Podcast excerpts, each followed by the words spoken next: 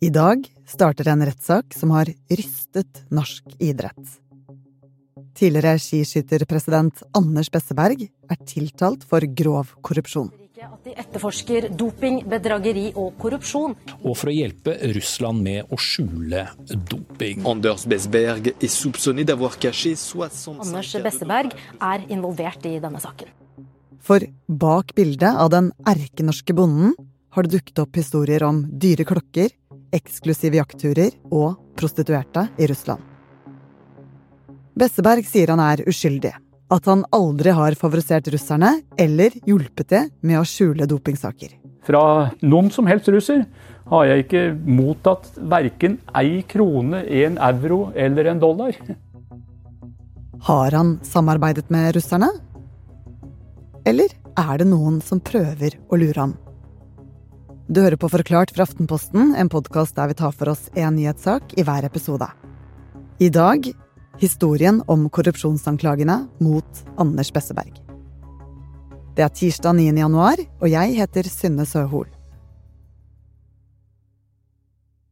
Altså, dette er jo en sak som har blitt omtalt som en norsk skandale. Det er blitt beskrevet som den mest alvorlige saken i norsk idrettshistorie, og tidenes fall i norsk idrett. Så den er svær. Christian Torkelsen er podkastjournalist i VG, hvor han har laget dokumentarserien Skandalepresidenten. Og der forteller han hele historien bak tiltalen. Og den historien starter på en gård litt vest for Drammen, nærmere bestemt Vestfossen. Anders Besberg eh, blir jo gjerne fremstilt som bonden fra det lille stedet Vestfossen litt sånn jordnær nedpå, men samtidig sånn kvikk med et uh, godt hode.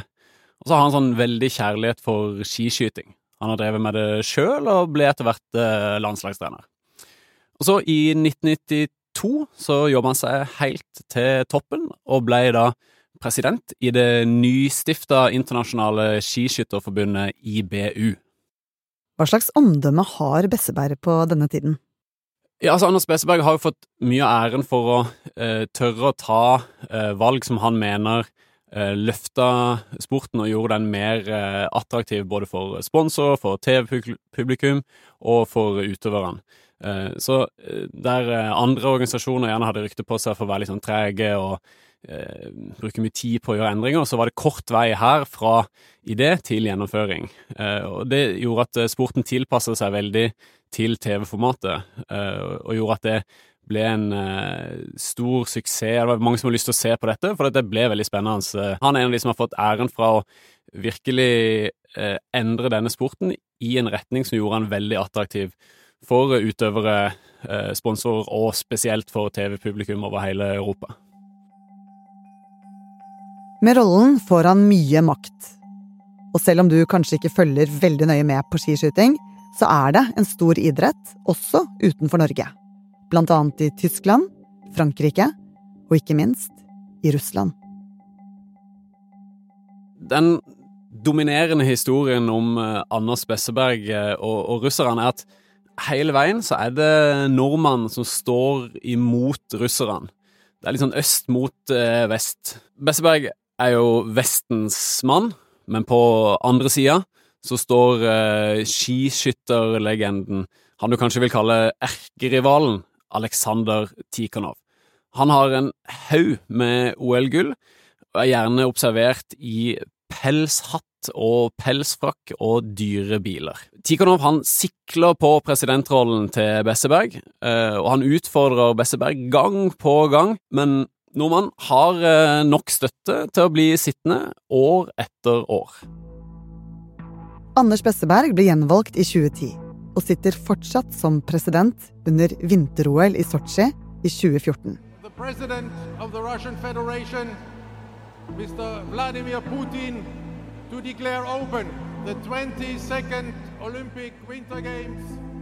Etter dårlige resultater i forrige vinter-OL har russerne store forventninger til dette mesterskapet. Og de innfris. Og president Vladimir Putin er strålende fornøyd. Men ikke lenge etterpå mistenkes russerne for å ha dopet seg.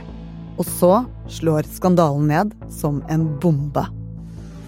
Over 1000 utøvere var del av Russlands systematiske dopingprogram. Rapporten A top Russian Olympic official says that his government orchestrated a plan to supply dozens of athletes with performance enhancing drugs. Russian government is accused of helping its Olympic track and field athletes cheat and then destroyed the evidence.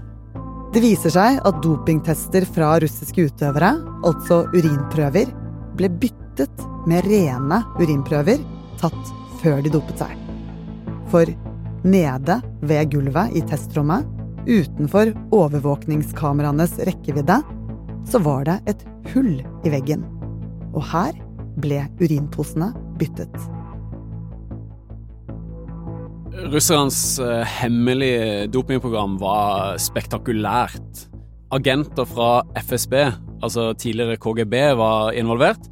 Og de klarte på utrolig vis å åpne noen sånne forsegla dopingprøver og bytte ut eh, positive prøver og få på lokket igjen uten at noen merka det.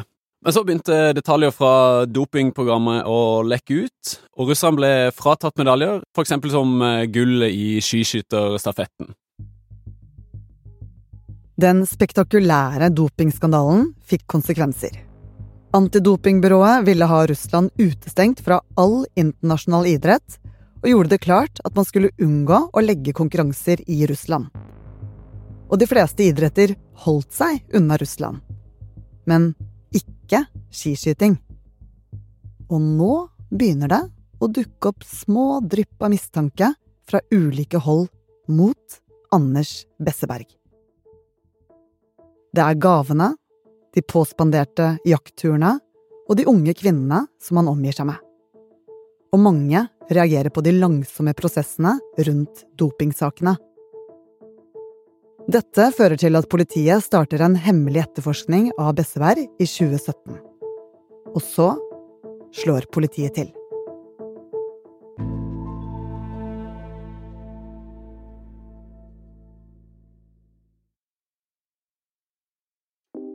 Det er flere som nå begynner å stusse på oppførselen til Anders Besseberg. Han eh, blir varsla om at det foregår åpenbar korrupsjon fra russisk hold, men gjør tilsynelatende veldig lite med det. Flere stusser også over at eh, Anders Besseberg eh, har så mange unge kvinner rundt seg. Vi vet også at det er mange som lurer på om de unge kvinnelige tolkene han omgir seg med, om de bare er tolker. Og mens nesten all internasjonal idrett holder seg unna Russland, så er Besseberg innstilt på at eh, skiskyting skal til Sibir for å konkurrere. Mistankene om korrupsjon vokser, men politiet trenger bevis. Og i april 2018 aksjonerer politiet mot hovedkvarteret til Skiskytterforbundet i Østerrike. Og de raider gården til Besseberg hjemme i Vestfossen. Politiet finner blant annet 13 klokker. Eh, mange av de er eksklusive og kostbare. For eksempel eh, ei Omega-klokke skal være verd rundt 200 000 kroner. Så blir eh, Besseberg kjørt til Oslo for avhør. Her blir han avhørt av østerriksk politi og får spørsmål om bestikkelser, prostituerte og eksklusive jaktturer betalt av russerne. Og hvordan blir dette tatt imot i miljøet og i Norge i 2018? Altså, denne saken den kommer for mange som et sjokk, og eksploderer jo i pressen. Altså, det er førstesider på aviser, nettaviser, radio og TV korrupsjon, og for å hjelpe Russland med å skjule doping. Ikke etterforsker korrupsjon for i alt 2,3 millioner kroner. Anders Besberg er soupçonné d'avoir caché 65 Men eh, Besberg stiller jo også opp. Han eh, lar seg intervjue, svarer på spørsmål og benekter anklagene. Nei, Dem stiller jeg meg helt uforstående til. Jeg mener vi har, uh, har fulgt reglene her. Og uh, dette må jeg òg si er fullstendig ukjent for meg. Likevel, etter 25 år, trekker Anders Besseberg seg fra stillingen som president i forbundet. Og så starter en uavhengig granskning av nordmannen. Og her kommer nye opplysninger frem. Denne granskninga er nådeløs. Eh, Der kommer det frem hvordan Besseberg eh, fra russerne har fått eh, tilgang på eksklusive jaktturer, prostituerte og dyre klokker. Ifølge rapporten får han spørsmål om han visste at Russland betalte for prostituerte. Da skal Besseberg ha svart. Det kan godt ha vært tilfellet. Jeg gikk ikke ut på gata, for å si det slik. I rapporten hevdes det at Besseberg har favorisert russerne, eller handlet i deres interesse. Men så er det mange spørsmål som dukker opp etter å ha lest eh, denne rapporten. Det er lange, store strekk som er sensurert. Og vi vet at deler av det innholdet blant annet eh, er telefonavlytting av Anders Besseberg eh, når han har vært i Russland. Og det er jo deler som vi kanskje får høre mer om i rettssaken som nå begynner. Vi har presentert påstandene for Anders Besseberg gjennom hans forsvarer Christian B. Hjort. I en e-post skriver Hjort at Anders Besseberg bestrider straffskyld etter tiltalen, herunder at han har akseptert prostituerte påspandert av russerne. Han bestrider å ha favorisert russerne. Christian, kan Anders Besseberg ha blitt lurt? Anders Besseberg mener nok at han har handla i sportens beste. Han har jobba mye for lite lønn, og mener nok at eh, hvis man skal eh, ta noen for doping, så må det være tydelig bevis. Støttespillerne sier at eh, Besseberg ikke er typen til å være korrupt eller å benytte seg av prostituerte. De mener at dette er en maktkamp, og noen som vil ha Anders Besseberg ut. Strafferammen for grov korrupsjon i Norge er fengsel i opptil ti år.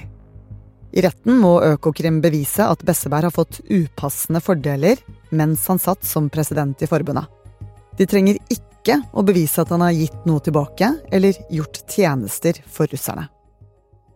Christian, hva er det som kommer til å skje fremover nå, og hva vil denne rettssaken bety for idretten?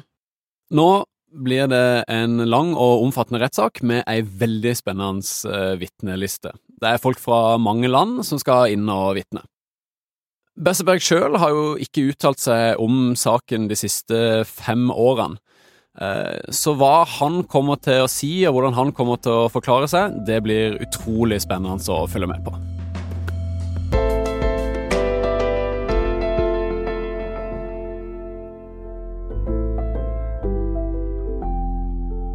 Du har hørt en podkast fra Aftenposten. Det var VG-journalist Christian Torkelsen som tok deg gjennom skandalehistorien bak rettssaken mot Besseberg. Denne episoden er laget av produsent Olav Eggesvik og meg, Synne Søhol. Og resten av Forklart er Fride Nesten Nonstad, David Bekoni og Anders Weberg. Lyden du hørte er fra NRK, Dagbladet, VG, Olympics, Euronews, I24 News, BBC, NBC og PBS News.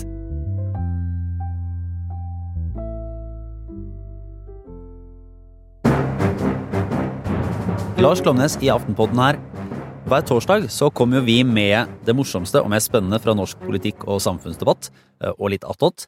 Men nå kommer vi også med noen bonusepisoder.